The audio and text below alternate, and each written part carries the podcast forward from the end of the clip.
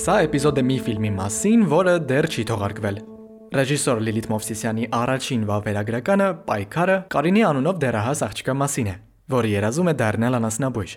Բայց ընտանիքի անդամները, հատկապես շնամարտերով զբաղվող հայրը, դեմ է դստեր երազանքին։ Ռեժիսորը 4 տարի շարունակ նկարել է երիտասարդ երոսուհու Պայքարը։ Կդառնա արդյոք անասնաբույժ, թե կգնա զոհ պատրիարխալ հասարակության նորմերին։ Որպես հավելում նաև նշեմ, որ զրույցից հանել եմ այն հատվածները, որոնք կարող էին պոտենցիալ սպոյլերներ լինել։ Սիրելի Լիլիթ, անհանգստանալու բան չկա։ Ես Քրիստիան Գինոսյանն եմ։ Ինձ հետ բացահայտելու ես հայկական կինոաշխարհը սովորական մարդու աչքերով։ Ինձ համար թեման շատ յուրօրինակ էր, շատ ուրիշ էր, նոր էր ու ոնց որ լրագրողական տեսանկյունից կանքա, որտեղից իմացաք, որ սենց դեպք կա, ով ասեց, որ թրջունն եկավ ծլվլած, որտեվ իրոք պատրաստի կինոյի սյուժեա, որ կարելի է սարքել իրան։ Ես մոտ 3-4 տարի մինչև ֆիլմի նկարանումները սկսելը կենթանասեր եմ ու ինքս շատ վոլոնտերություն եմ արել կացարաններում, դրսի կենթանիներին փրկելով եւ այլն։ Եվ ժամանակ աշխատում էի Bars Media-ում դոկումենտալ ֆիլմերի եւ Սոնան Մարկարյան, ով ֆիլմի պրոդյուսերն է, եկավ եւ ասաց, ու այդպես ես տխուր էի էլի հերթական դեպքեր պատահել ու խոսում էինք ագրեսիայի աղբյուրից, որտեղից է գալիս մարդկանց մոտ, դա հատկապես հայ ազգի մոտ կենթանու հանդեպ վերաբերմունքի բացերը, սխալները, որ կա մեր հասարակության մեջ ու Սոնայի հետ այսպես ասած խոսելու ընթացքում մտածեցինք հետարքիր է օրինակ նկարել շնամարտողների գտանք շատ դժվարությամբ մոտ երևի, չգիտեմ, կես տարուց ավել տևեց մինչև որ կարողացանք մտնել այդ համայնք, որովհետև իրենք շատ փակ համայնք են, բարձ պատճառներով, եւ հենց առաջին նկարանման օրը, որ այնտեղ էինք, նկատեցի ֆիլմի հերոսին Գագիկին, Կարինեի հորը, երկրորդ պլանի հերոսին, Եվ ինքը միակն էր, ինձ համար միակն էր, որ հատուկ սեր էր ցույց տալիս իր կենթանիներին, շոյում էր, խոսում էր հետներ, ամեն մեկի բնավորությունը գիտեր, ու ես իսկապես ռեալ տեսա, որ այս մարդը ռեալ զգացմունք ունի իր կենթանիների նկատմամբ, ու դա ինձ շատ հետաքրքրեց։ Հետո խոսեցինք հետը, շփվում էի, ասեց ես շների երեխեքից չափ սիրում եմ այսինքն կարելի է երեխեքի հետ ծանոթանալ ձեր եւ այդպես մտա իրենց ընտանիք, հա։ Եվ ես շատ շնորհակալ եմ իրեն ու իր ընտանիքին, որ ինձ ստահեցին եւ թույլ տվեցին մտնել իրենց կյանք։ Երբ որ ծանոթացա այդպես Կարինեի հետ, իր աղջկա եւ նաև Գագիկ ունի տղա, Գորը, ով Կարինեից մի քանի տարի փոքր է։ Ծանոթացա ընտանիքի բոլոր անդամների հետ եւ այդպես սկսեցի կենտրոնանալ Կարինեի վրա, որովհետև ինքը շատ նման է իր հորը։ Թե նույն սերը կենթանիների նկատմամբ, թե պայքարող տեսակով, Գագիկն էլ է պայքարող, բայց այդ պայքարները շատ տարբեր են։ Գիտեք ինչ դժվար է, երբ որ դու կապվում ես ինչ-որ կենթանու հետ ու այդ կենթանուն տանում է Եվ այդպես 4 տարի հետևում էի Կարինեի պայքարին ու ինչն էր շատ հետաքրքիր, որ ինքս իմ անձնական կյանքում, մասնագիտական կյանքում, կներեք իմ անձնական արդեն դարձել եմ, մասնագիտականը դարձել անձնական, դրա համար իմ մասնագիտական կյանքում ես երբ որ ունենում եմ ինչ-որ խնդիրներ, անկումներ, իմ հետ զուգահեռ Կարինեն ապրում էր ինչ որ նույն խնդիրները ու այդ երեխան ինձ ուժ էր տալիս։ Այնինք ես մտածում էի, օքեյ, եթե ինքը ինձ է կարողանում ի վրա է կարողանում ազդել, ուրեմն հաստատ հանդիսատեսի վրա կկարողանա։ Կարինեն ահավոր պայքարող կերպար է, ինքն էր ֆիլմը հենց տանում ամբողջովին։ Եվ իմ համար սա Առաջի փորձս էր դոկումենտալ ֆիլմ նկարելու։ Ես անգամ Bars Media-ում երբ որ աշխատում էի, հրավիրված էի որպես խաղարկային ռոլիկների ռեժիսոր, այսինքն ես երբեք դոկ չէի նկարել ու երբեք ոչ մեկ չէր պատկերացնում ինձ դոկ ֆիլմի ռեժիսորի աթորին եւ ինքս էլ չէի պատկերացնում, բայց այս պատմությունը իսկապես ինձ շատ հետաքրքրեց ու ահա որ վախեցած էի, երբ որ մասնակցում էի Եվրասիա դոկ ծրագրին, ինչը շատ օգտակար ծրագիր է բոլոր երիտասարդ ռեժիսորներին, ովքեր դոկ են ուզում նկարել կամ նկարում են, ես միանշանակ խորհուրդ կտամ, որ անպայման դիմեն ու մասնակցեն, որովհետև ինքը քեզ սենց մի հատ ողնաշարդ ուղում է որպես դոկումենտալիստ ռեժիսոր քեզ փորձում sense հավաքել, ամրացնել ու քեզ տալիս այն գործիքները, այն ինֆորմացիան, որը քեզ պետքա, երբ որ մտնում ես դոկի աշխարհ։ Մի խոսքով, ահա որ վախենում եմ, ես երբեք ես շատ ռիսկով ռեժիսոր եմ միշտ եղել ու չափից շատ ռիսկով, ինչ որ դեպքերում, ինչ որ տարիքում նաև, բայց այս դեպքում ահա որ վախենում էի։ Վախենում եմ նրանից, որ դու կոնտրոլ չունես պատմության վրա, հերոսի ազդեցություն չունես եւ այդ անգամ այդ ազդեցությունը, որ փորձում ես ունենալ, ինքը շատ նուրբ, սենց մանրակրկիտ աշխատանք է, էլի, նեյրոխիրուրգիա է, որը պետք է շատ զգուշանես, այլապես կարա վատ արդյունք լինի եւ դրա համար ես, չգիտեմ, իմ համար սա շատ մեծ փորձ էր, ես սովորեցի դոկի աշխարհում ինչպես է պետք վարվել, որպես ռեժիսոր, շատ кайֆ մի հատ միտք ունի Վարներ Հերցգը ասում է որ տարբերությունը խաղարկայինի ու դոկումենտալ կինոյի ասում է խաղարկային կինոն դա Պատկերացրեք դու խնջույք ես կազմակերպել ու հրավիրել ես քո ամենամոտ ընկերներին, որոնց հետ 20 տարի ճանաչում ես կամ ավել, եւ իրանց հետ գալիս է մեկը, ում առաջին անգամ ես տեսնում, այ ինքը հենց դոկն է, то есть դու պետք իրան ընթացքում ծանոթանաս խնջույքի։ Այդ իսկ պատճառով երևի նկարանումները տևեցին մոտ 3-ից 4 տարի, թե ինչ եղավ վերջում ֆիլմի, չեմ չեմ ասի։ Պետք չի ասել։ Լիլի, թեև դու իմ հարցին արդեն պատասխանեցիր, բայց ամեն դեպքում կա ինչ որ բան, որ չասեցիր այն առումով, թե ինչը ստիպեց քեզ, որ պետքա մտնել ես պատմության մեջ ու մարդիկ պիտի տեսնեն։ Կարծում եմ, որ մեր հասարակության մեջ տարիներով ավանդույթները մտան եկավ օրինակ սովետական շրջանը, մտան մուտացիայի մեջ, մուտացվեցին սովետական բարքերի եւ գաղափարախոսության հետ եւ այդ ինչ որ մուտացված բարքերի արդյունք է, որը կարծում եմ բռնության աղբյուրը որտեղից է գալիս։ Օրինակ, հա, իմ դեպքում ես դրա փնտրտուքներով էի, որ եկա գտա այս պատմությունը։ Այդ եկել է ընտանիքի մեծից, տատիկից։ Իրականում ֆիլմի անտագոնիստը ինձ համար տատիկն է։ Ու ես չեմ վախենում դրանից եւ չեմ վախենում, որ ֆիլմը այսպես ասած դառնում է ոչ թե տոտալ ֆեմինիստական, այլ իմ համար էլի ֆեմինիզմը այնքանով, որ չարագործ է, վատ հերոսը ցանկացած ֆիլմում կարա կին լինի, այսինքն կինը այնքան ուժեղ է, որ կարա ինքը լինի չարագործ։ So այդ խնդիրները եկել են Իրանից, հետո փոխանցվում է տղային, տղայից փոխանցվում է իր երեխաներին։ Ինչ որ մեկը պիտի այդ ցիկլը կանգնացներ։ Ամբողջ հույսը այդ նոր սերունդի վրա է։ Ինչն է հետաքրքիր, որ իմ հերոսը ունի այն ինֆորմացիայի աղբյուրը, ինչ որ ունեմ ես, ունեն կարելի ասել մարդիկ, ովքեր որ նայում են ինտելեկտուալ կինոն կամ կարդում են շատ գրքեր եւ այլն, այսինքն իմ հերոսուհին այն աշխարհից է, որը մաքուր լակմուսի թուղթ է եւ իր ծնողներն են, այդ ներկողները, այսինքն միակ սովորելու աղբյուրը ծնողներն են։ Եվ ինքը կարողանում է իր ինտուիցիայով ու զգայական աշխարհով դեմ գնալ այդ այդ ավանդույթներին, մուտացված ավանդույթների մասին է խոսքը ոչ թե ճիշտ ավանդույթների կամ մշակույթային արժեքների։ Եվ կարելի ասել, որ այդ թարմ սերնդի մասին է եւ աշխարհում տարբեր կետերում վստահ եմ ամեն մի երիտասարդ սերունդ պայքարում է ինչ որ փոփոխության համար մեծ մասամբ հիմնականում դրական փոփոխության։ Այնպես որ կարծում եմ, որ ֆիլմը կարա հասկանալի ու ընթերնելի լինի ցանկացած դերահաս կամ այդ նոր սերնդի ներկայացուցիչի համար։ Էլի հետ գանք մի քիչ տենց լրագրողական տեսանկյունից մոտենալուն հարցին, ինչքան էլ իմ նյութերի մեծ մասը հենց մարդիկ են, բայց հենց հարցը գալիս հասնում է իրենց նկարելուն, կապ չլինի դոկումենտալ, կլինի ռեպորտաժ, կլինի։ Երբ որ խոսքը սովորական մարդու մասին է, ես միշտ ինքս ինձ հետո սենց հարցեր եմ տալիս, լավ, բայց այս մարդը ինչի պետք է համաձայնվի, որ ես իրան նկարեմ, ինչու համաձայնվեցին եւ բարթեր համոզել եք, ինչ process է գնացել շփման շնամարտողներին կոնկրետ հստակ վերաբերմունք կա։ Այսինքն, եթե մարդը շնամարտերով չի զբաղվում, միանշանակ չի կարող կողմ լինել այդ երևույթին։ Ինչ հետաքրքիր էր մտնել այդ մարդկանց տեսանկյունը տեսնել ու ողրել։ Ու ես հենց այդպես էլ իրենց ասել եմ դա հենց առաջին օրվանից։ Այսինքն ամբողջովին անկեղծ եմ եղել իրենց հետ եւ այդ անկեղծությունը կարծում եմ վստահություն եւ անկեղծության ֆունդամենտի վրա է եղել մեր հարաբերությունը առաջինը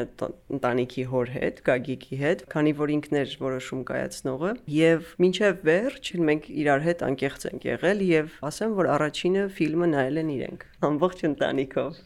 եւ իրանց գուցե ձեր մոտ ինքը ուրիշ տպավորություն թողնի իրենց մոտ լրիվ ուրիշ տպավորություն թողնի կամ նույն Կարինեի մոտ ուրիշ տեսանկյուն լինի ֆիլմը դիտելուց Գագիկի մոտ ուրիշ տեսանկյուն անկամ Ֆրանսիայում երբ որ մենք նայում էինք ֆիլմը իմ ģեր նպատակն էր որպես ռեժիսոր հնարավորինս այնպես անել որ հերոսը որը զբաղվում է շնամարտերով երևա որպես մարդ հանդիսատեսը միանգամից չմերժի իրան եւ այդպես էլ եղավ այսինքն անգամ Ֆրանսիայում երբ որ մենք մոնտաժ էինք անում իրանց համար դա լրիվ абսուրդ է հա լրիվ էկզոտիկ ինչ որ մի հատ երևույթ է շնամարտերը ինձ հետաքրքիր էր իրենց ընկալումը եւ հերոսը մնում էր ոչ այդքան բացասական այսինքն ինքը մնում էր մարդ որ ունի իր կյանքը իր ճանապարհն անցնում այդ ճանապարհին այսպիսի մի հատ արարքանում ու այդ ամենադժվարն էր այս ֆիլմում հասնել դրան բայց ես կարծում եմ նաև հերոսից էր իհարկե դա գալիս։ Ինձ թվում է հարցը դեռ շատ են տալու, բայց ինչի տևեց 4 տարի։ Երբ որ հանդիպեցինք Կարինեի հետ, ինքը դեռ 14.5 տարեկան էր, դե 18-ում ինքը արդեն կայացրեց իր ամենագլխավոր որոշումը եւ ընտրեց իր մասնագիտությունը։ Դա կիմանանք ֆիլմը նայելուց հետո արդյոք ինքը դարձավ անասնավույժ թե ոչ, բայց մենք ուղակի սպասում էինք այդ ամբողջ process-ը իր հետ անկեղծ անցել ենք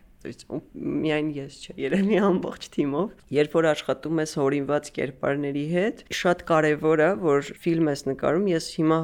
հասկացա, շատ ռեժիսորների կենսագրություններ, որ կարդում էի, միշտ բոլորը ասում էին, որ ճիշտ է սկսել դոկումենտալ կինոից, կամ գոնե կյանքում մեկ անգամ նկարել գոնե դոկումենտալ, որովհետև փորձառություն ես ձեռք բերում աշխատել իրական հերոսի հետ եւ հետո այդ նույն պատասխանատվությամբ մոտենում ես հո հորինված կերպարներին։ Կարաս անփույթ ան զգույշ վարվես հորինված կերպարների հետ, հա, անգամ նորինակ ես նաև գրում եմ իմ սցենարները։ Այդ պատասխանատվությունը հիմա որ արդեն մոտենում եմ այդ սցենարներին, ահա որ փոխվել է։ Ես ռեալ իրանց արդեն ես պատկերացնում եմ այ Կարինեի պես մեկը որին ես եմ հորինել, հա, ու ինքը կա ու ինքը ապրում է։ Իմ հատ հետաքրքիր մեթոդ եմ զարգացրել իմ համար միշտ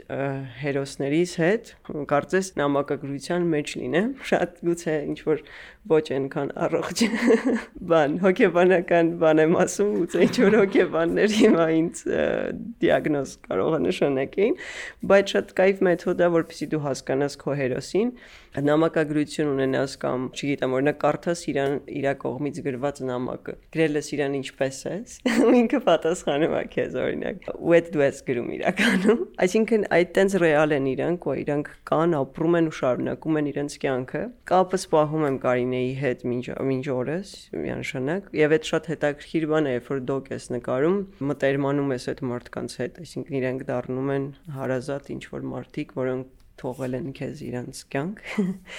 եւ հետո չես կարող միանգամից դուրս գալ ու ասել շնորհակալություն, ես գնացի, չէ, այդ մի հատ հարաբերություն է, որը ստեղծում ես շատ բարդ աշխարհատոկ, շատ։ Այո, ես նմանատիպ հարց ունեի, թեև ինքը շատ տենց մակերեսային կարահանչի, բայց Միշտ ասում ենք, որ դոկը չմիջամտելու մասին է։ Միշտ ասում ենք նաև, որ մեր ներկայությունը արդեն իսկ միջամտություն է։ Այդ միշտ խոսակցությունը կա, բայց կադրից դուրս, երբ որ հերոսը հատկապես երբ որ ինքը փոքր տարիքի է լինում ու շատ սահմաններ իր մոտ դեռ հստակ չեն, գալիս էր ինչ որ խորհուրդ հարցնելու ոնց եք այդ խորհուրդ տալուց խուսափում, եթե խուսափում եք կամ եթե եղել են նման բաներ ընդհանրապես։ Այսինքն միջամտություն ոչ թե կադրում, այլ միջամտություն մարդու կյանքում, որը հետո երևալու է կադրում այդ հարցին mən շատ լավ պատասխան եմ տալիս, որ ամբողջ թիմը աղջիկներ էինք, ես, երկու պրոդյուսերները եւ անգամ օպերատորը հնչյունային օպերատորների երբեմն փոխվում էին իրանք։ Տարբեր տղաներ էին գալիս գնում, բայց հիմնական թիմը աղջիկներ էին եւ հիշում եմ որ երբ որ Կարինեն շատ կարեւոր մի հատ պետք է որոշում էր կայացրել եւ ուզում էր կիսել իր որոշումը ընտանիքի անդամների հետ, խնդրեց որ այդ օրը, այսինքն ինքը ինձ գրեց, որ այդ օրը արդյոք նկարելու ենք թե ոչ եւ ասաց որ մեր լինելը իրեն այսպես ասած կողքեվորի եւ մեր լինելը կարծում եմ այդ ամբողջ ընթացքում իրեն ապացուցել է որ կինը կարող է աղջիկը կինը կարող է շատ կարևոր լինել, շատ կարևոր որոշումներ կայացնել, կարևոր աշխատանք անել, բարդ աշխատանք անել։ Ուզում եմ գնամ այդ ճյուղով, ուզում եմ դառնամ անասնաբույժ ու ուզում եմ իհատ Ուզում եմ ուղղակի լսեք։ Այս բարությունն է, կարող է բաներն է, տենա տենա, հարմար բերեք շոկ, տենի մարդը կարող է է Մի վարքյան։ Այն որ նույն շնամարտեր նկարելը, ես շա- սա շատ լուրջ եմ ասում, լիքը օպերատորներ, տղաներ հրաժարվում էին ցույց վախենալով։ Իհարկե ունեցել եմ տղա օպերատորով նաև նկարանումների մասնակցել է, բայց սկզբնական փուլում եւ շնամարտողները ունեն օրենք, որ ռինգում կին երբեք չի եղել, կնոջը չի թույլատրվում ռինգ մտնել։ Երևի այդ ծովահենների պես ինչ որ նավի վրա կին չի կարելի, տենց ինչ որ բան ունի, չգիտեմ ինչի չի կարելի։ Եվ մեր օպերատորը Աննան Տեր Գաբրիելյան, ահա որ շատ վիզուալ սիրուն գեղեցիկ նուրբ աղջիկ է։ Հիշում եմ վախներս բերել էր, որ ցուրտ էր իրան ցենց տղամարդու բաճկոն հագցրեցին գլխարկ շարֆով դեմքը փակեցինք բան որ չէր հասկացում որ աղջիկ է որ մտցել ենք ռինգ